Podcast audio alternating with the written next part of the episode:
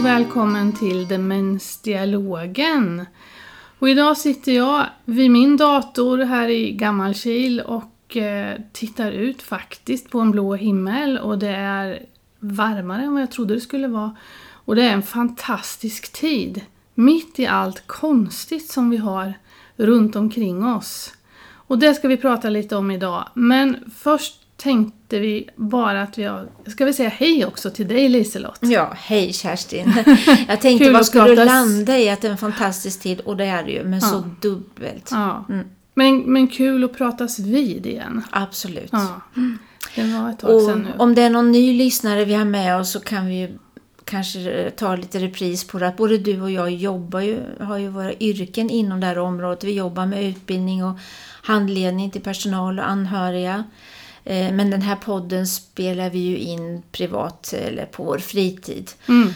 Och vi vänder oss ju både till den som är sjuk, tänker vi, till personal och också till anhöriga.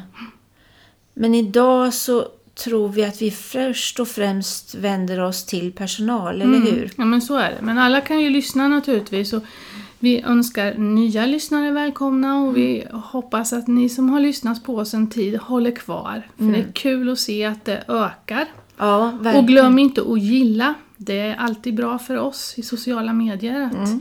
Då syns vi ännu mer. Ja, och hoppas ju på att det kan hjälpa någon det här pratet vi har du och jag. Ja. Mm. Och för er som inte har lyssnat från början så var det ju så här att du flyttade till Stockholm och jag eh, bor i Linköping. Och det här blev ett sätt att hålla kvar kontakten och också mm. göra något i det här ämnet som mm. vi båda brinner för. Mm.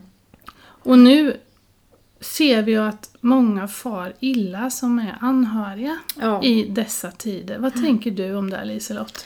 Jo, jag tänker på just det förra avsnittet, där, där, pratade vi om då hur lite tips och idéer om hur man kan hålla kontakt med sina närstående mm. som bor på, på ett äldreboende.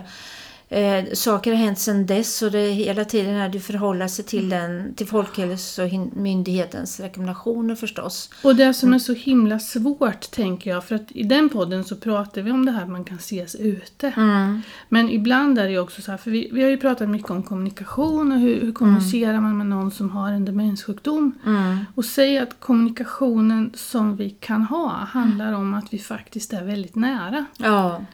Och så ska vi inte vara nära nu när vi är ute. Nej. Vilket kan bli alltså helt konstigt och så jätte, jättesvårt. Ja. Man har ju sett många kreativa idéer att man försöker ses bakom en glasruta eller mm. att man ringer till varandra och står utanför man ser varandra och glasbur och alltihopa. Men det är ju förstås där också väldigt personligt att se på vad klarar en person av så man inte, att det inte blir konstigt mm. istället då. Det kan ju bli så att man känner, den som är sjuk känner ett avståndstagande. Ja, precis. Och det är inte det som är meningen. Det som är meningen är att det här blir ändå ett sätt att ses. Ja. Men när man inte har förmågan kvar att förstå vad det här handlar om. Ja. Mm.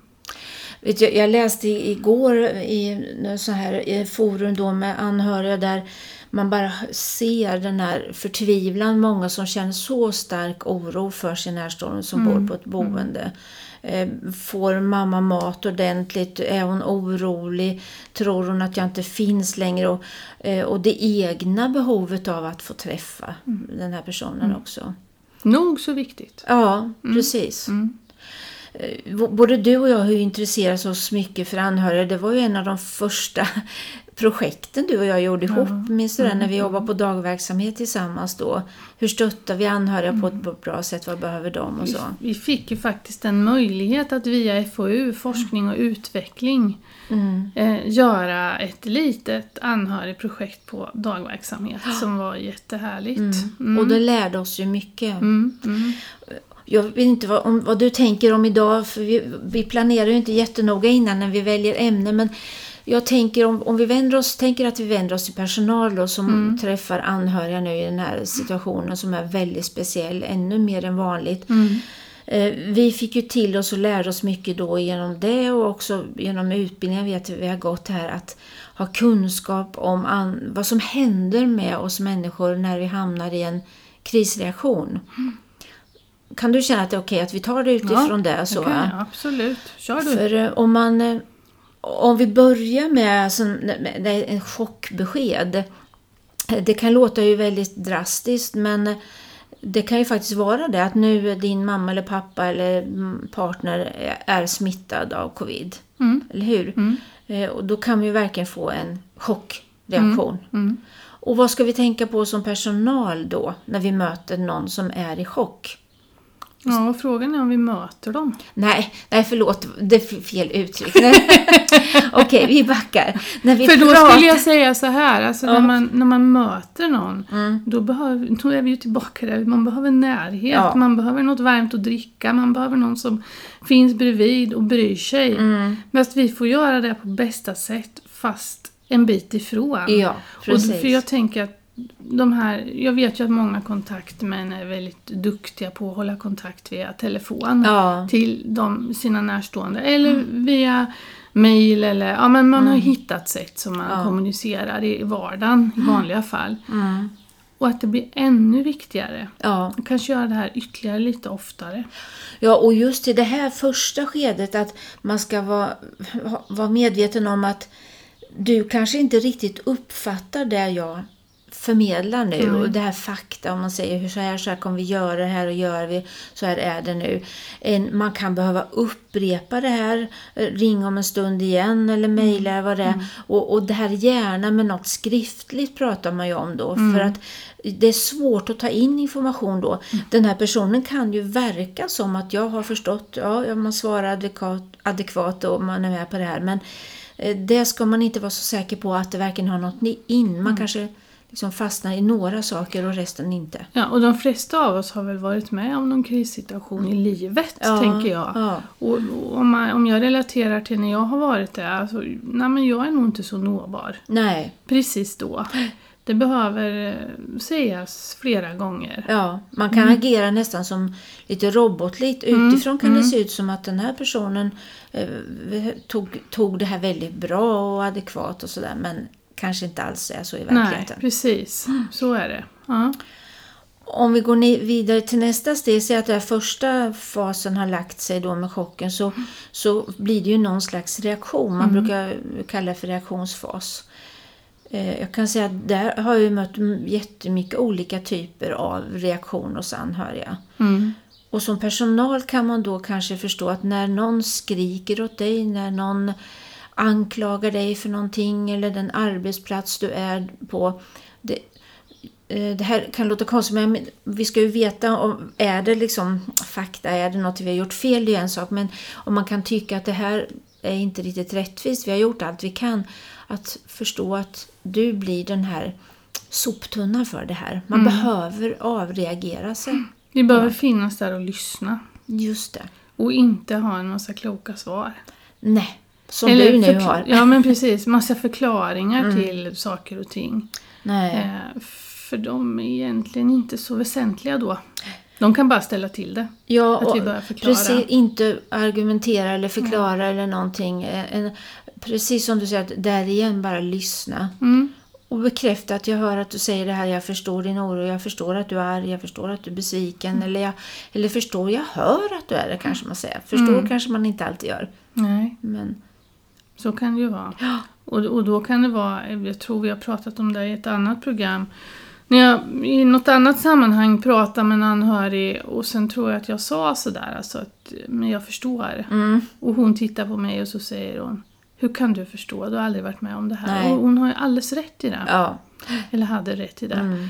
Eh, så ja. Jag hör att du är arg, Mm, mm, är bättre. mm, Eller jag, och, och, ja, och det här, jag känner själv i det här läget, det är så lätt att man vill komma med något väldigt trösterikt. Och, ehm, för att hjälpa, komma med de här råden som du säger.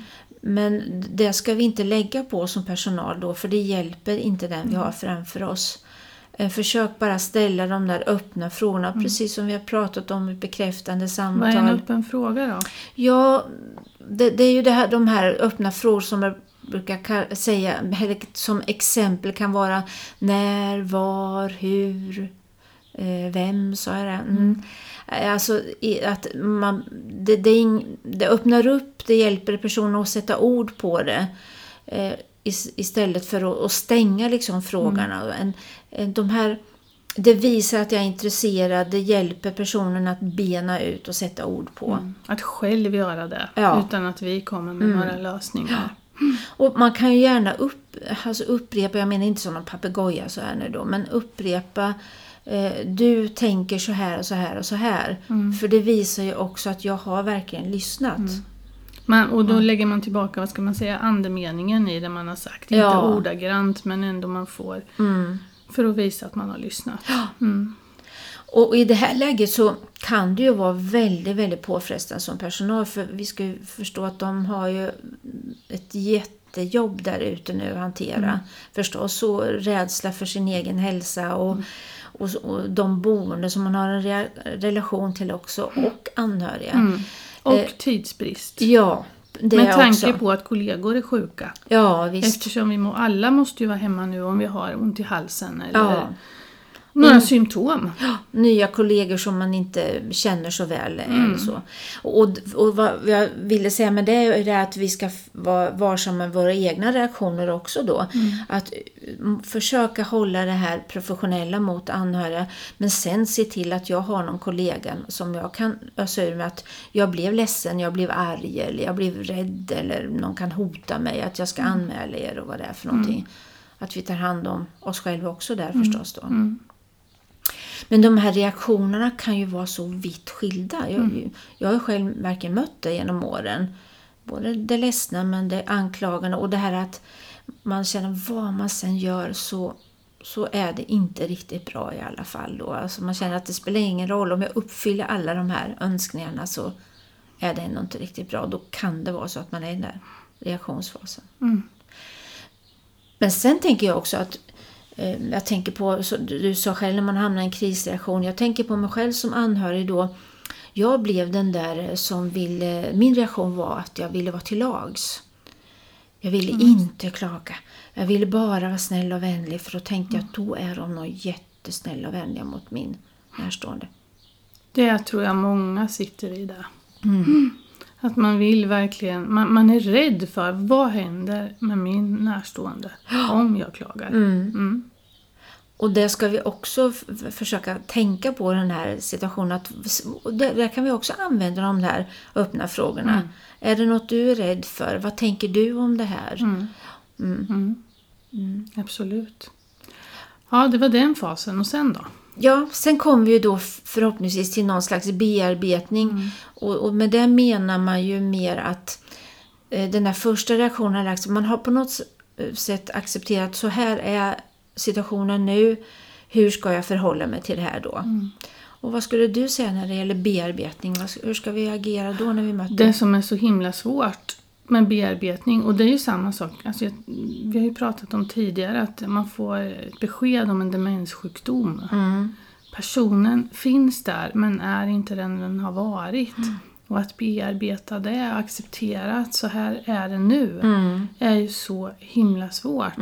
Men jag tror alltså det man behöver göra det är ju att hitta någon eller några ventiler där man får möjlighet att prata. Ja, Och jag vet ju att det finns lite olika i olika kommuner hur man har löst det här men det kan finnas någon demenssjuksköterska som är extra tillgänglig just nu. Det kan finnas ett anhörigcenter som är extra tillgängligt. Eh, Men man kanske har en jättegod kontakt med sin kontaktman. ja, Att man, eh, eller också har man någon i familjen, eller några i familjen. Eh, Och man kan ju behöva både och, både det här professionella mm. och det nära i familjen, Ja. tänker jag. För att bearbeta, för att prata om det här. Mm. Inte trycka undan det. nej. Och det, man har jag har ju sett att äldre linjer och sådana forum har ju ökat det behovet väldigt mycket nu, de där stödlinjerna och att ha någon att prata med. Och om jag tar Linköping så har man ju ökat så man även har öppet på helgerna. Alltså Ja. det, och det ser säkert olika ut i olika kommuner. Ja. Mm.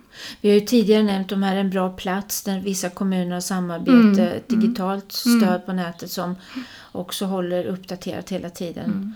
Eh, Men det här kan vi ju lägga ut som vi brukar på vårt Instagramkonto eh, och också på Facebook-sidan sen de här tipsen med vart man kan vända sig då. För det kan ju vi som personal vara behjälpliga med också. Men jag kommer ihåg när du och jag jobbade tillsammans där på dagverksamheten så var vi, vi också lite rädda att vi inte bara puffar iväg anhöriga. Ring dit och gör det. Mm. Och det så här, en, där får man ju vara väldigt finkänslig en balansgång. Så man inte känner sig avvisad i det här.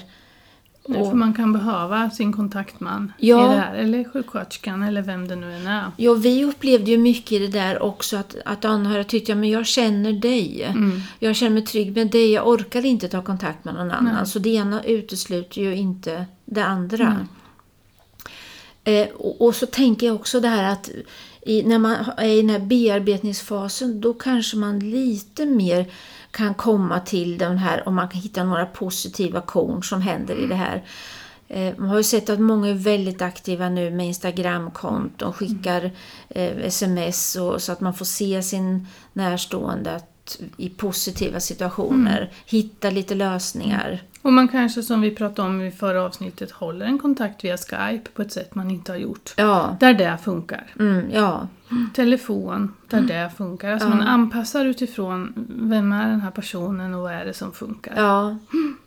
Och, och jag tänker här att det här lilla, jag ser framför mig liksom att man lägger en telefon vid någon som är väldigt svårt sjuk och kanske inte kan samtala eller förstå telefon. Men att den anhörige kan prata och prata och prata så, så, så den som är sjuk får höra rösten. Jag är säker på att man, om man sitter här som personal och känner den här personen så kommer man att se reaktioner i ansiktet och att få till sig det då som anhörig tror jag kan ge en tröst att jag har gjort något nu. Det kan finnas något lugnande i rösten. Ja. Mm, det har vi pratat om i ett annat sammanhang. Att, att någon läser Ja. högläsning. Att det kan faktiskt vara lugnande det här att bara någon läser högt. Även om jag, den som är sjuk, inte förstår vad det är som Nej. man läser egentligen. Nej, och det, just att känna, få känna den där närvaron ändå. Eh, men bearbetningen, är, då kan vi som sagt våga börja, eller våga, då kan vi börja ge lite eh, råd, kanske är fel uttryck, men ändå lite mer tips och idéer. och, eh, och också säga att det finns positiva stunder om det nu är dem. Sen tänker jag också det här, säger jag nu som pratar väldigt mycket märker jag, men att inte sväva ut ma- massa, massa allt möjligt. Utan försöka svara på den fråga som ställs så, så sanningsenligt och adekvat som möjligt. Så man inte mm, svävar iväg och blir för diffus. Mm. Jag tänker på det här med nyorientering som den, den sista fasen. Den är ju nästan inte värt att nä- nämna här. Eller vad tänker du? Nej, för där är vi ju inte Nej, på något sätt. för då har man helt och fullt accepterat. Så här Mm. är det och nu, nu hittar jag ett annat sätt att förhålla mig i det här. Däremot så kan, det ju, kan man acceptera att så här är det och hitta förhållningssätt till det. Alltså Mm. förhållningssättet att ja, men jag har kontakt med kontaktmannen, jag har kontakt via Skype. Vi har liksom hittat sätt. Det är, Mm. det är inte hundra bra men det här är det minst dåliga eller vad man ska Ja. säga. Så man ändå har någon form av kontakt. Ja, Mm. och, och någon slags rutin i det här kanske också som, som gör att Mm. dagen fungerar och jag behöver inte oroa mig för kan jag ringa nu och se till att jag får prata eller Mm. vi har en tid, ungefärlig tid de hör av sig. Vi har Mm. gjort upp väldigt tydligt. Vem hör av sig, när hör man av sig och, och så. Och de här bilderna som du sa på Instagram kanske, de kanske är väldigt betydelsefulla. Att Ja. faktiskt får se. Jag vet på något ställe där de hade kontakt via telefon. Mm. Då var det en annan personal som tog en bild på den boende, om man kallar det så då, under tiden som han eller hon pratade i telefon och sen smsa till den här anhöriga. Och det blev så jätteviktigt att få se, liksom så här såg han ut när vi pratades vid telefon. Och såg att det var en bra stund då. Mm, mm. Och sen inte glömma det här om vi tänker nu bearbetning eller alla samtal. Eh, kanske lite försiktig i början, chockfasen där. Men att ställa frågor till den anhöriga. Hur mår du? Mm. Hur har du det nu? Och då har vi öppnat frågorna igen. Nej, Vad är värst för dig nu när du inte kan hälsa på? Är det något du kan göra hemma? Finns det någon stund du mår bra? Eh, det kan man inte nog betona, tänker jag. Nej. För där behöver man ju också fundera på som anhörig. Mm. Hur ska jag göra för att faktiskt också må lite bra i det här. Ja. Finns det något jag kan göra för mig själv för att göra det? Ja, för nu är, det blir ju som alltid väldigt stort fokus på den som bor på ett boende. Men vi ska ha klart för sig att de har ju ändå personal. Det- Jag säger inte att det är lätt för många, men man har ändå personal omkring sig. Man har människor omkring sig. Men som partner till exempel, eller en, en, ett barn som jag har min mamma och pappa som inte kan hälsa på och går ensam med det här. Jag kanske då är permitterad från mitt jobb. Så jag, kan, jag har jättelite socialt umgänge själv och så kan jag då hjälpa min förälder eller partner vad det kan vara. Som jag egentligen skulle kunna hjälpa jättemycket just nu. Precis, ja. Och jag är kanske 70 plus. ja. Och då ska jag också hålla mig hemma och inte göra saker. Nej, och visst. väldigt många blir väldigt isolerade. Kan Ja. jag tänka mig. Mm. Så i de här kontinuerliga samtalen fråga också hur mår du? Hur har du det? Mm. För att sammanfatta det här samtalet på något sätt så tänker jag att eh, våra behov, våra mänskliga behov är väldigt lika. Vi vill alla bli sedda i den situation vi är. Vi vill bli trodda oavsett om andra kan tycka det är sant eller inte sant eller relevant. Och vi vill bli lyssnade på. Och, och kan vi nå upp till det här så har vi nog gjort så gott vi kan. Om du är anhörig som lyssnar på det här så håll kontakt med boendet. Håll kontakt med den som är din kontaktman. Se vad som är möjligt. För det är ju också så här att vi vet att på många ställen är det väldigt pressat. Mm. Och man gör ändå så gott man kan för det görs ett väldigt gott arbete på många ställen. Ja, jag tycker det är helt fantastiskt egentligen. Man ser hur, vilket gediget jobb personal gör för att hålla igång och skapa trevligt, äh, trivsel och så på boendet i den här situationen som är nu. Mm, så är det. Ska vi avsluta där för idag? Ja, vi får göra det. Eh, Och vi lägger ju som vanligt ut på vårt Instagramkonto lite tips efter, den här, eh, efter det här avsnittet. Och vi har ju en Facebook-sida där vi också lägger ut lite tips. ja. Lite sammanfattning från det här. Ja, men det gör vi. I den här konstiga tiden. Ja, Vi hoppas att vi snart kan börja med vanliga poddprogram igen. ja absolut. Ja, för vi hade ju något helt annan tanke till det här programmet som Ja. vi har släppt. Men som så många för oss så har vi fått tänka om igen Vi får anpassa oss. och göra så gott vi kan. Och alla ni där ute, anhöriga, personal, ni gör ett fantastiskt jobb. Mm. Tack. Tack. Hej då! Hej.